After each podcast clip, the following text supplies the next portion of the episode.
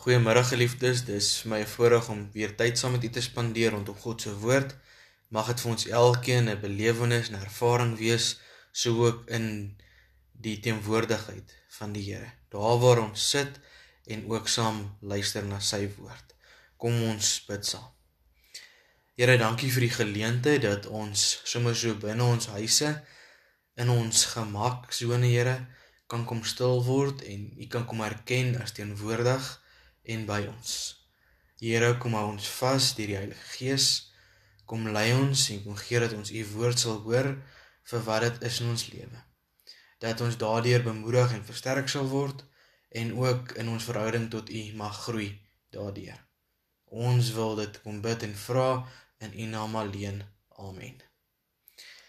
Geliefdes, ons maak klaar met die Johannes Evangelie vanmiddag waar ons vers 20 tot 25 van hoofstuk 21 gaan saam lees. En die opskrif van hierdie gedeelte is die disipel vir wie Jesus baie lief was. Toe Petrus omdraai sien hy die disipel volg vir wie Jesus baie lief was, wat ook by die maaltyd na Jesus se kant oorgeleun en gevra het: "Here, wie is u verraaier?" Toe Petrus hom dan sien, vra Petrus vir Jesus: "Here, en wat van hom?" Jesus antwoord hom: As ek wil hê dat hy in die lewe moet bly totdat ek weer kom, is dit nie jou saak nie. Volg jy my?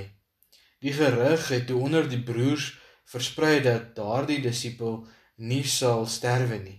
Jesus het egter nie vir Petrus gesê dat daardie disipel nie sal sterwe nie. Maar as ek wil hê dat hy in die lewe moet bly totdat ek weer kom, is dit nie jou saak nie. Dit is die disipel wat oor al hierdie dinge getuienis afgelê en dit beskryf het en ons weet dat sy getuienis waar is. Daar is nog baie ander dinge wat Jesus gedoen het. Maar as dit een van maar as dit een vir een beskrywe moet word, dink ek sou die hele wêreld nie genoeg plek vir die boeke hê nie. Ons skriflesing vanmiddag tot sover. Geliefdes, dis 'n baie belangrike en interessante gedeelte wat ons vanmiddag saam gelees het. Ons sien dat Petrus saam met die ander disippels teenwoordig is by Jesus en dat Petrus in gesprek gaan ook met Jesus en dan spesifiek aan die hand van die geliefde disipel ehm um, van Jesus. Ons sien hierso dat Petrus vir Jesus die vraag vra wat van hom wat dan verwys na die geliefde disipel en dan sê Jesus vir hom um, met 'n antwoord as ek wil hê dat hy in die lewe moet bly totdat ek weer kom, is dit nie jou saak nie. En daai stelling is baie breed van interpretasie. Ons sien dat die disipel self nuuskierig is en hulle eie afleidings maak, as daar gesê word onder die broers het daar gerug ontstaan dat hierdie disipel nie te sterwe sal kom nie en waar Petrus en die disippels aan reg gehelp word om te sê dit is nie wat Jesus gesê het nie. Maar dat dit niks met hom te doen het nie. As Jesus dan wil hê hy moet bly lewe tot hy weer kom nie. Maar baie interessant dat Jesus dan juis vir Petrus sê, "Volg jy my."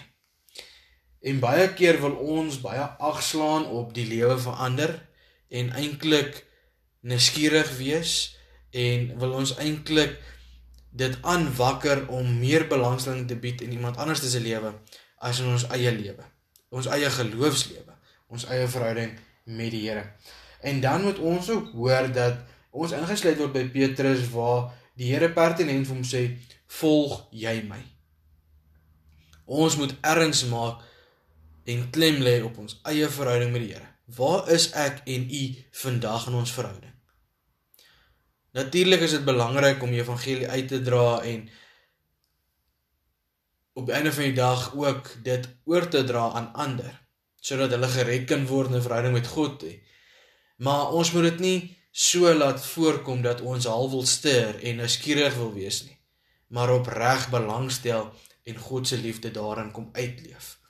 En daarom baie belangrik moet ons ook hoor volg jy my. Ons verhouding met die Here is belangrik en ons moenie dit afmaak as niks nie. En dan hoor ons dat dit wat die disipel aan opgeskryf het as getuienis dat dit getrou is en waar is.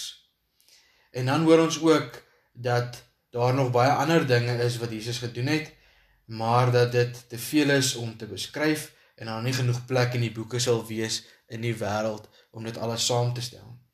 En in hierdie stelling moet ons besef die grootheid, die almag van Jesus terwyl hy op aarde was, wat hy kom openbaar het deur God. God se liefde, God se genade, God se grootheid op die wêreld wat hy kom tentoonstel het, kom wys het.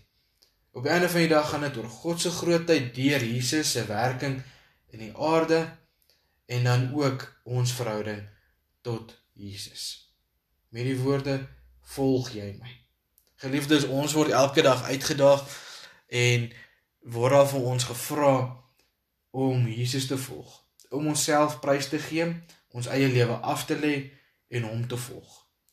En seker te maak dat ons tyd maak vir hom en vir ons verhouding tot hom. En dat ons in dit ook bewus sal wees van God se grootheid. Mag ons dit oordink, mag ons dit laat gestalte kry in ons lewe en mag ons werklik nie net stuur en nuuskierig wees in ander mense se geloofslewens en wat hulle geloofslewe behels nie, maar dat ons eers by onsself sal begin en dat ons vanuit ons eie geloofslewe en verhouding met God die verandering na buite toe sal moontlik maak. Omdat Jesus groot en almagtig is in ons eie lewe. Kom ons bid saam. Here, dankie dat ons kan weet ons verhouding met U begin eerstens by onsself en dan na ander. Here, help ons om nie net so gefokus te raak op die mense rondom ons dat ons ons eie verhouding met U afskeep en op die einde van die dag nie agslaan op die grootheid en die almag in ons lewe nie. Here gee dat ons U wonderwerk, U hand van sorg en lyding in ons lewe sal waarneem en sal bewus wees daarvan.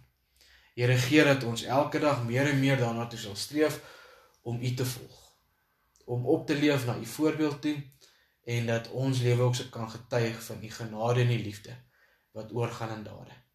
Here, kom ons vas in U hand. Kom maak ons bewus van U teenwoordigheid, Here, in ons woonplekke, in ons omgang met mekaar as ons gesinne, as geliefdes. Here, dat ons sal weet al is ons nie by mekaar nie, is U ook steeds by ons in die eenvoud van ons eie huis, in ons sitkamers en ons kamers, kom wyse, Here, in ons ontspanningsareas is U daar om by ons teenwoordig te wees. Mag ons dit op 'n besonderse manier in hierdie dae beleef en ervaar as U wat ons kom ontmoet daar waar ons ook tuis is. Daar waar ons bly in ons gemak, in ons gewone omgang met mekaar. Here, kom gee dat U wil sal geskied in ons lewens, dat ons gehoor aan U sal gee en dat ons ons lewe sal laat lei deur die Heilige Gees aan U die lof en eer vir dit wat ons beleef en ervaar en ontvang uit U hand as seëning. Here ons kom bid dit in U naam alleen. Amen. 'n Geseënde dag vir elkeen en ook U geliefdes.